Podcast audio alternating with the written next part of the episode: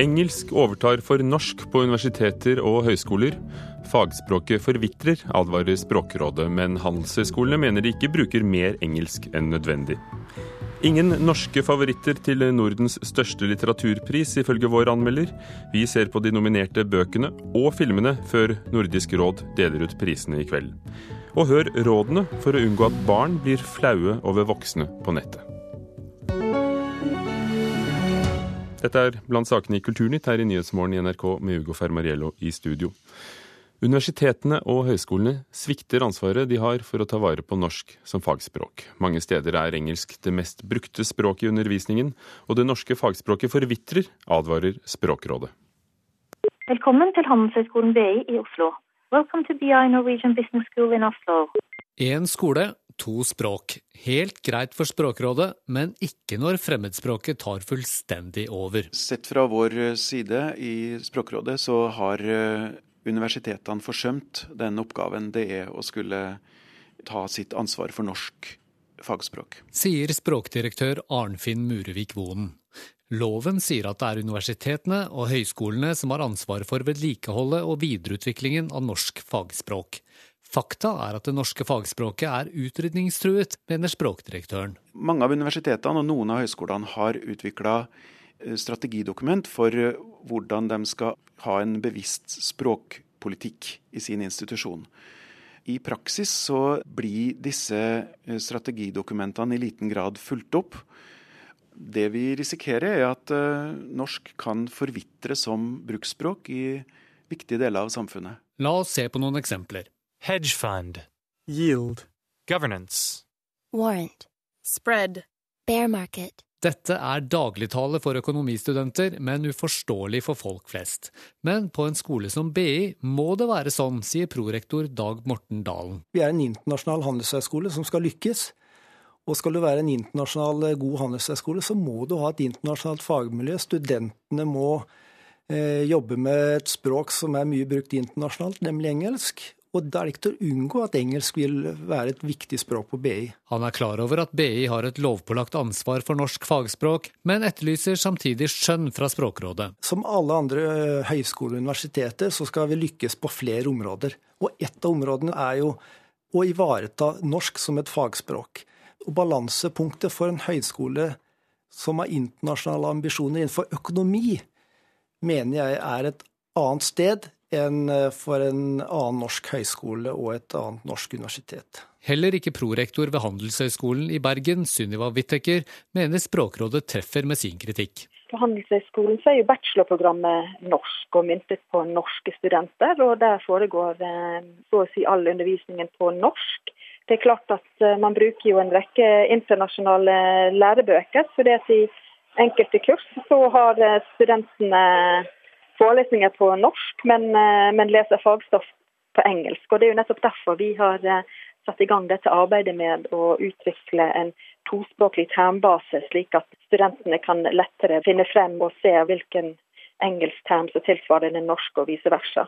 Forståelig nok at eh, engelsk er viktig, fordi dette er veldig internasjonalt orienterte miljø. Samtidig så må ikke universitetene og høyskolene glemme at de har et ansvar for å ivareta og videreutvikle norsk fagspråk. Og reporter her var Petter Sommer. Flere der, ja. Flere norske mediehus varsler at de vil kartlegge brukernes lesemønstre på internett for å skreddersy annonser til brukerne deres, skriver Aftenposten i dag. Schibsted, Egmont og A-media vil ta opp kampen mot Facebooks Atlas-tjeneste, som snart lanseres i Norge. Atlas samler inn informasjon om folks interesser gjennom Facebook-profiler, for å lage annonser til brukere over hele nettet. Og den tyrkiske presidenten Recep Tayyip Erdogan åpner i dag det nye presidentpalasset utenfor hovedstaden Ankara. Palasset kalles Det hvite palasset, er 200 000 kvadratmeter stort og har 1000 værelser. Opposisjonen i Tyrkia boikotter åpningen fordi Erdogan har valgt å åpne dette huset på republikkens dag i Tyrkia, som nettopp feirer etableringen av det sekulære Tyrkia i 1923. I kveld blir Nordisk råds kulturpriser delt ut i Stockholm. Det deles ut priser til film, musikk og litteratur, eh, blant andre sjangere, og litteraturkritiker her i NRK, Marta Norheim. Mona Havring og Thomas Espedal er de to norske nominerte. Hva er sjansen for at eh, en av dem kan få prisen? Ja, de hadde vært verdige vinnere, men jeg tror ikke de kommer til å vinne. Eh, ikke fordi at de ikke er gode forfattere, men fordi at eh, altså Espedal skriver jo en lang serie med bøker, og denne står ikke så godt, syns jeg, på egne bein. Mens Mona Høvring skriver seg opp mot Camilla Collett, som jo er en stor forfatter i Norge, kanskje ikke andreplasser. Kanskje det å ligge så tett på en annen forfatter ikke gir så gode odds. Så jeg tror ikke det blir norsk denne gangen. Det var jo norsk i forfjor, så vi skal jo ikke sutre. Eh, Thomas Espedal sier at det er nesten flaut å bli nominert så mange ganger. Eh, hvilken historikk har han? Nei, Han har vært eh, nominert det tredje gangen nå.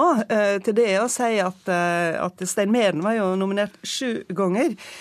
Og det er jo ikke de samme som nominerer og som kårer. Når de skal kåre av vinneren, så er det jo hele Norden. Og da kan du ikke si at ja, jeg kommer med bundemandat og faktisk må Espedal vinne denne gangen. Det er ikke sånn det foregår. Hvem er da din favoritt? Altså, Jeg har flere favoritter, men, eh, men, hvis du vil ha én som du kanskje vil, så vil jeg si eh, Kjell Westø, den finlandssvenske forfatteren, kjent i Norge gjennom flere bøker. Svik 1938-boka nå, og vi er i et Helsingfors som nærmer seg en eh, ny verdenskrig, mens de har sin egen blodige borgerkrig bare 20 år bak seg. Det er et portrett av et by, av et miljø, eh, av en historie. Det er en veldig rik og fin bok. Er det noen tendens i hva juryen ser etter, som du kan regne ut, i hvert fall? Ja, hva juryene de nasjonale eh, ser etter, kan jeg si noe om. Altså, det, det, er påfallende mange ting som er plassert i en spesiell by, eller refererer til spesielle eh, lokale eh, personligheter, som forfattere f.eks., for og du har Helsingfors, du har Bergen. Altså, du, du, prøver å finne spesifikke ting for landet ditt. Eh, ikke på turistbrosjyremåten, heldigvis, men liksom sånn vi har eh, dette. Eh, mye natur fra Grønland osv. Eh, og så har du jo altså eh, Den sjølbiografiske bølga slår jo også inn i denne prisen. Altså dette sjølbiografiske er jo noe som går, og som er langvarig. Mm. Burde, burde, vi være kvitt det? Nei, nei, nei. Så lenge en klarer å variere, så er det helt fint. Vi kommer litt tilbake til bøkene. Det vi skal høre nå, er fra den norske filmen som er nominert til Filmprisen. Jeg ser fortsatt i drømmer.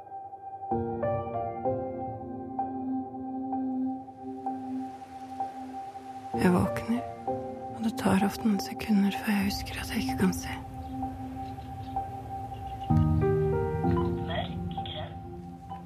Eskil Fugts film 'Blind' er nominert for Norge, og Kjetil Ismoen, redaktør i bransjebladet Rushprint og filmanmelder i Aftenposten. Norge har aldri fått den nordiske filmprisen. Kan 'Blind' være den første som får den? Jeg tror kanskje ikke det. Eh, den er nok ikke eh, den fremste favoritten. Eh, men nei, det er en egen historie, det der med at vi aldri har fått den prisen. Og vi burde nok ha fått den med, med, med Joakim Triers Oslo 31.8 f.eks. Det var jo en skandale at vi ikke fikk den da. Så jeg tror kanskje ikke tiden er inne nå, selv om Blind er jo en aldeles utmerket film. Vi kan ikke ta listen over alle de nominerte filmene og bøkene, men, men det finner du på nrk.no øh, på nettet. Men øh, velg noen favoritter. Altså, det er et utrolig sterkt heat i år. Altså, jeg kan ikke huske at det har vært så sterkt, finaleheatet. Jeg er veldig glad i den islandske og finske filmen. Det er mye beundringsverdig man kan si om altså, både Lars von Triers film, Ruben Østlunds film 'Turist', som går på kino nå. Men, men jeg syns at den finske og den islandske har noen sånne altså, visjoner utover den ytre fortellingen som, som, sier noe om å hva skal vi si, være menneske i, i Norden hva, i dag. Hva, hva heter de? De heter 'Concrete Night' av Pirjo Hunkasalo og eh, 'Om hester og menn' uh, av Benedikt Erlingsson. Og særlig den første er en, en, en film av en kvinnelig filmskaper som hever seg helt opp i elitesjiktet av europeiske filmkunstnere med denne filmen. Danskene sender uh, 'Nymphomaniac' av Lars von Trier, som uh, har vært ganske kontroversiell blant noen. Uh, ja. Hva, hva syns du om valget deres? Uh, det er, det er, litt rart, fordi det er jo en film han ikke vil vedkjenne seg. Altså, han har jo to versjoner, en director's cut og denne en, en, en, producer's cut. Og det er jo da den siste man velger å nominere. Altså en film som von Trier ikke vil vedkjenne seg. Og, eh, det har man, men er aldri Hva har de tatt bort? Hva? Hva har de tatt bort?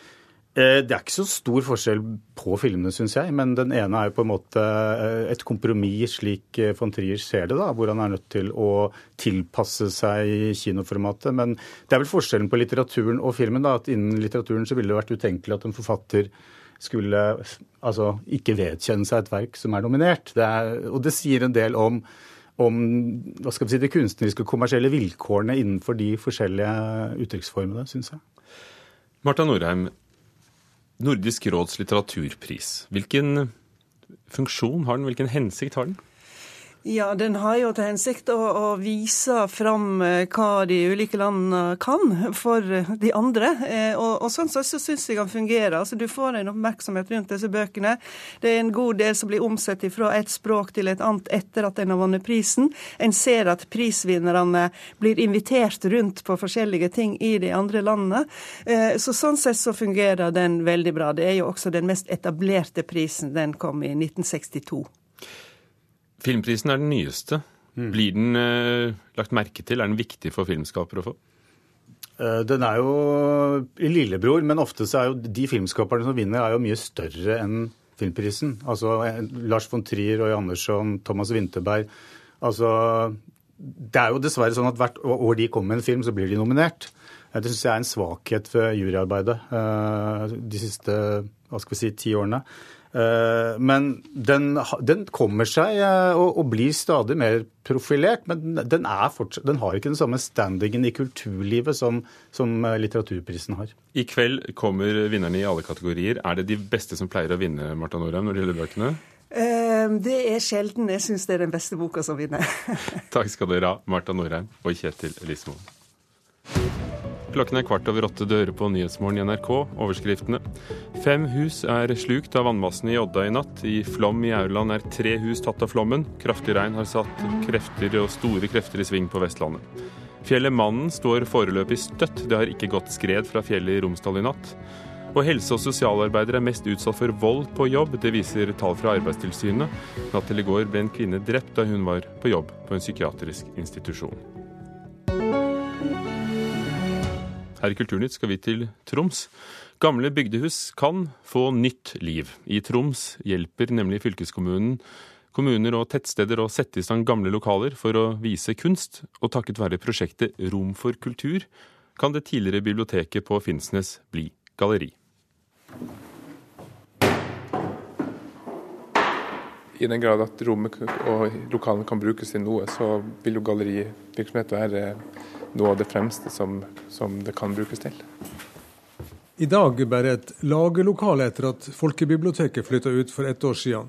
Men stort, kanskje 500 kvadratmeter i underetasjen i det snart 20 år gamle kulturhuset på Finnsnes. Virksomhetsleder Cato Simonsen i Lenvik kommune mener kan brukes til offentlig galleri og vandreutstillinger. Vi må bare ta lokalet for sånn som det står, og så må vi bruke de mulighetene som finnes. Og så må vi bare ta inn over oss de begrensningene som ligger i lokalet. Vi har kanskje hus nok, vi må bare se litt på hva som er egnet til hva, og hva som er gode utgangspunkt til å, å bygge videre på og gjøre mindre oppgraderinger. For alle har ikke behov for et kjempesvært kulturbygg. Anne Mette Sætra er prosjektleder for det som kalles Rom for kultur i Troms fylkeskommune. Utgangspunktet deres er mangelen på gode visningssteder for visuell kunst i kommuner og tettsteder, men også andre kulturuttrykk er tenkt inn i satsinga. Kommunene har jo etterlyst uh, litt av hvordan de skal håndtere situasjonen i sin kommune. Altså man sitter med kanskje alt fra 15 til 45 grendehus, samfunnshus og ungdomshus som man på en måte ikke helt vet hvor man skal starte når man skal tenke oppgradering. Finnsnes og et mulig gallerilokale er en av pilotene i Rom for kultur. Foreløpig er tre andre med, Bakkehaug i Målselv, Senter for nordlige folk i Kåfjord og den ærverdige Kilgården på Skjervøy. I utgangspunktet så har prosjektet vært et kompetanseprosjekt. Altså Rom for kultur i seg selv har ikke noen sånn stor pengesekk. Vi har sagt at det er veldig mange gode ordninger som, som er helt relevante støtteordninger for veldig mange av de her prosjektene jeg har jo nå vært egentlig rundt om i flere fylker i Norge for å snakke om rom for kultur, som har vært da begeistring da, for å, å skape et tilsvarende. Så vi er nok egentlig ganske tidlig ute. Nå brukes jo generelt, eh, også i Lenvik, i Norge som sådan, ikke spesielt mye penger på kultur. Vi, vi får håpe at, eh, at, man også ser nytten av å, av å gi bevilgning til sånne formål. Sa Cato Simonsen i Lenvik kommune til reporter Arild Moe.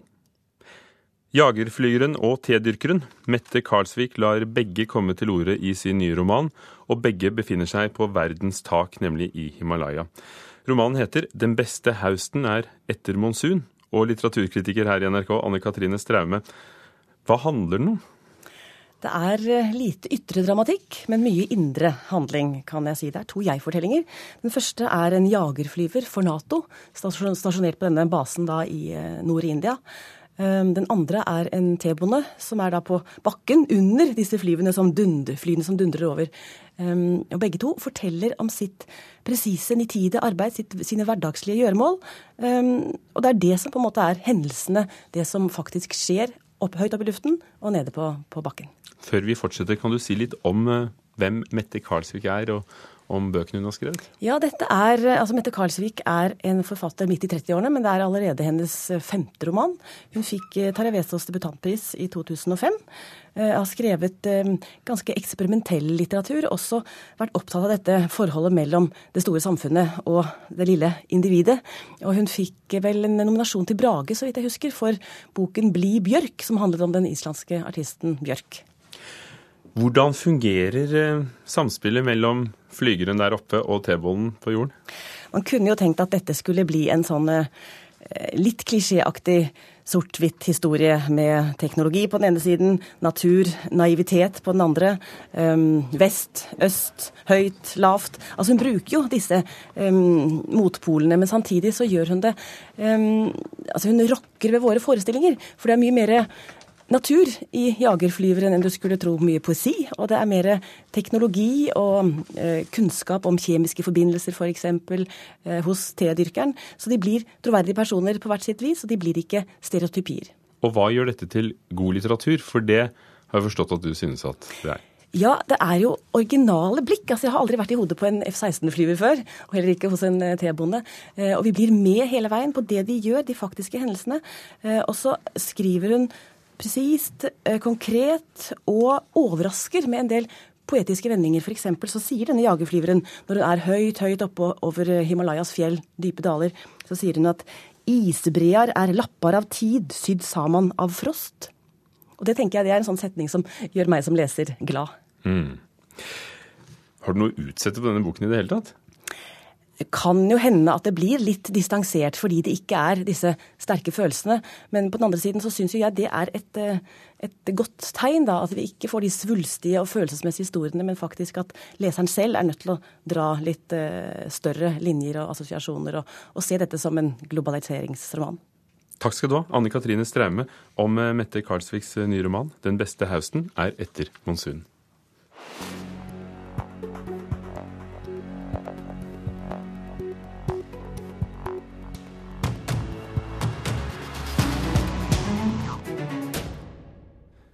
Barn blir eh, flaue over hvordan foreldre oppfører seg på sosiale medier. Det kommer frem i en eh, ny undersøkelse, og det kunne vi høre om i Dagsrevyen i går kveld. Jeg har blitt veldig sinna på henne, eller irritert i hvert fall. For at hun legger ut ting og spør ikke engang først, eller kommenterer, eller Så plutselig får jeg sånn 100 sånne damer som hun kjenner, som kommenterer mitt bilde og sånn. Og så har vi jo snakket om dette med at, eh, at jeg skal snakke med deg før jeg legger ut noen bilder. Og det syns jeg kanskje også at, eh, at jeg gjør nå. Nei. Å nei, gjør jeg ikke det? Tenker du kanskje selv, men gjør egentlig ikke det. Sa Tord Kringe og moren Ragnhild, og vi har også spurt flere ungdommer om hvordan de mener foreldre bør oppføre seg på sosiale medier, og rådene til de foresatte finnes på nrk.no. Elisabeth Staksrud, forsker på barn og sosiale medier ved Universitetet i Oslo. Bør, barn blande seg inn i, nei, bør foreldrene blande seg inn i barns liv på nettet? Ja, det bør de. Eh, det er helt klart. Og vi, vet jo det at eh, for at barn skal ha et trygt og godt liv på nettet, så er det viktig at foreldrene engasjerer seg. Men så er det et eller annet med måten man gjør det på som blir nøkkelen her. Og det vi ser gjennom forskningen sånn de siste 10-15 år på, på barn og medier, er at da barn begynte å bruke internett, så ble de eh, altså ble de liksom at Internett det er litt sånn dette må vi, vi må beskytte de voksne, spesielt når de selv oppdaget de litt mer mørke sidene av internett. De sier at eh, dette, dette, kan ikke være bra for mamma, det finnes porno på internett. Så vi vil gjerne beskytte de voksne mot internett. Men nå er de mer opptatt av å beskytte de voksne mot seg selv. Kaja Hegg, rådgiver for nettvett i Redd Barna. Hva sier barn til dere om hvordan de oppfatter voksne på nettet? Barn setter ord på at de blir flaue, at uh, foreldre gjør ting som går utover deres integritet, og at det er ubehagelig.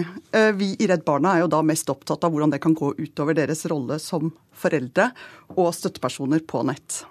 Hva er det de gjør, da? Hva, hvor, hvor, hvor flaut kan det bli? Det kan bli veldig flaut. Det kan være at de tagger et barnebilde når de akkurat har begynt på ungdomsskolen. Det kan være at de er veldig aktive på barnas blogger. Det kan være at de kommenterer og rett og slett blander seg inn i uh, ungdomsliv uh, og vennskapsrelasjoner. Heldigvis så har jo da barn uh, sine beskyttelsesmekanismer, så de sperrer jo foreldre ute eller blokkerer dem eller finner sine måter å områ deg på. Og ikke minst så går de bort fra Facebook, da. Eh, Elisabeth Dagsrud, barn har da alltid gremmet seg over foreldre, enten det er klærne deres eller hva de sier utenfor skoleporten. Altså, hva er nytt nå, da? Ja, altså, på, på, den måten så er det ikke noe nytt. Fordi at som du sier, at når man kommer til en viss alder, så er eh, den løsrivelsesprosessen fra foreldre, og det å oppdage at foreldre ikke er de smarteste, lureste i hele verden, som man har trodd når man var liten, det er viktig. Eh, da er det viktig at foreldrene eh, allerede på en måte viser og har vært der og viser at de er der, men at de går, eh, kanskje holder seg litt i bakgrunnen når det spesielt gjelder barn og unges sosiale relasjoner. Men så kan det vel være at barn må, og unge må, må, innse at de eier ikke nettet, de eier ikke Facebook, og at de må bare venne seg til at foreldre er der også? Ja, og helt klart. Og det er eh, helt OK at de som er over 18 også bruker sosiale medier, men det er et eller annet med eh, at man trenger kanskje ikke å være mest aktiv på å kommentere på hva eh, barn og ungdom gjør. Bli liksom enige om spillereglene på forhånd, det ser vi hjelper. Sånn, hva, hva skal vi gjøre, hva skal vi ikke gjøre? Eh, og så er det et eller annet med det at når foreldrene kommer et sted, hvis de er der for å overvåke barna sine, så vil barna for det første ikke stole på dem, og så vil de migrere til en annen tjeneste. Foreldre generelt ser vi fra statistikken er ikke så veldig interessert i hva barna gjør på, nettet, eh, sånn på det positive siden, bare på den negative. Så kanskje det å engasjere seg mer er vel heller nøkkelen enn å, å eh, være altfor aktiv på de sosiale arenaene der hvor barna er. For vi snakker ikke her Hege, om øh, om det som det var snakk om i, i, forrige uke, om foreldre som går inn i kontoene og brukerprofilene. Vi snakker bare om uh, å, å, snakke til hverandre på nettet. Ja, og det er uh, helt uh, riktig. Og vi snakker om det som blir værende og synlig for de andre. Og det er nettopp dette som blir fryktelig pinlig for jevnaldrende. At de ser hvordan foreldrene herjer og kommenterer. Og det er det de syns er pinlig. Men samtidig så trenger jo da selvfølgelig også ungdom støtte og oppfølging fra foreldre. Men det vi tror egentlig er det beste, er å på en måte skape dialogen og praten utenom de sosiale mediene. Og at man på en måte snakker med ungdommene om det. Du mener det. å snakke sammen, altså? Ja, snakke sammen. Face to face. Hvis man klarer å skru av maskinen. Og så, og så åpne for en dialog. For altfor mange barn og ungdom herjer jo på egen hånd uten å få den støtten og kontrollen som de trenger. Men da kontroll på en litt annen måte enn ellers, kanskje. Hvor, eh, hvilke tjenester eh, går unge til når foreldrene er for aktive på la oss si Facebook? Ja, altså Det vi ser er jo det er en sånn migrasjon. sånn at eh, En av de sterkeste tendensene som vi så for et par år siden, var at barn og ungdom vil si at eh, Facebook eh, Nå er det så mange gamle, og til og med besteforeldre. Så nå er det bedre at hvis jeg, der, der legger jeg ut bare offentlige ting. Mens hvis jeg skal være privat, så går jeg på Twitter. Og så er Instagram blitt veldig populært. Og så er det flere andre tjenester som er veldig populært. Og det eneste jeg kan si, er at uh, uansett hva uh, Altså, det foreldrene gjør, vil påvirke hvor barn og unge er, og at de vil hele tiden søke nye tjenester hvis det blir for stor overvekt av foreldrekommentering kontroll, innblanding. Fordi at det er det sosiale, altså det å være sammen med venner, den sosiale relasjonen som er viktig, og den trenger man å gjøre i en følelse av å være et mer eller mindre privat rom, selv om det er på nettet. 84 av barn og unge bruker Facebook. Hvem er de som ikke gjør det? Hvem er de som ikke er på sosiale medier? For det er tydeligvis noen igjen? Ja, eh, noen ganger så møter vi ungdom som har tatt et veldig bevisst valg. Eh, at det kan på en måte, at det er kult å ikke være der. Eh, noen er liksom opptatt av personvern. Andre kan ha strenge grenser hjemme, men jeg tror egentlig ikke det er grunnen, for de klarer alltid å områ seg. Eh, jeg vet ikke. Det hadde vært interessant å få mer kunnskap om det. Ja, altså Vi har jo eh, bl.a. i en stor europeisk undersøkelse som vi gjorde for noen år siden, så så vi jo på at eh, spesielt når man kommer opp i 14-15-årsalderen, så er nesten alle på sosiale medier. Vi snakker om kanskje 1-4% som ikke er det. Vi er, altså De som Kaja beskriver her, er de som har tatt et bevisst valg som, er, som på en måte klarer seg fint. Men vi er veldig bekymret over de som er der fordi de kanskje enten ikke får lov, eller fordi de ikke skjønner hvordan de skal gjøre det, eller av andre grunner. Og det vi frykter, er at de blir en slags digital underklasse, og at det også får konsekvenser for det sosiale. Er det forskjell på norske ungdommer og ungdommer som dere ser i andre land i Europa? Ja, det er store forskjeller. Og eh, en av de hovedforskjellene er at norske barn starter å bruke internett tidligst i Europa. De aller, aller fleste. Og de bruker masse forskjellige tjenester. Eh, sånn at det er en veldig liten gruppe som ikke er på nettet, eller som ikke gjør så mange ting som de andre. Og at de da kanskje blir enda mer isolert enn det de hadde trengt å bli. Og nå har vi hørt lenge om nettvett for barn, men det er kanskje på tide med mer nettvett for foresatte? Ja, det stemmer. Og i neste år så har vi planer om å ha et prosjekt på det. Takk skal dere ha, Kaja Hegg i eh, Redd Barna og Elisabeth Staksrud fra Universitetet i Oslo. Det var Kulturnytt, hvor vi har hørt at universitetene og høyskolene ikke tar ansvar for norsk som fagspråk. Det hevder i hvert fall Språkrådet. Kulturnytt var ved Lars Tronsmoen, teknisk ansvarlig, Thomas Alvarstein Ove, produsent, og Ugo Fermariello, programleder. Klokken er snart halv ni, og dette er Nyhetsmorgen i NRK.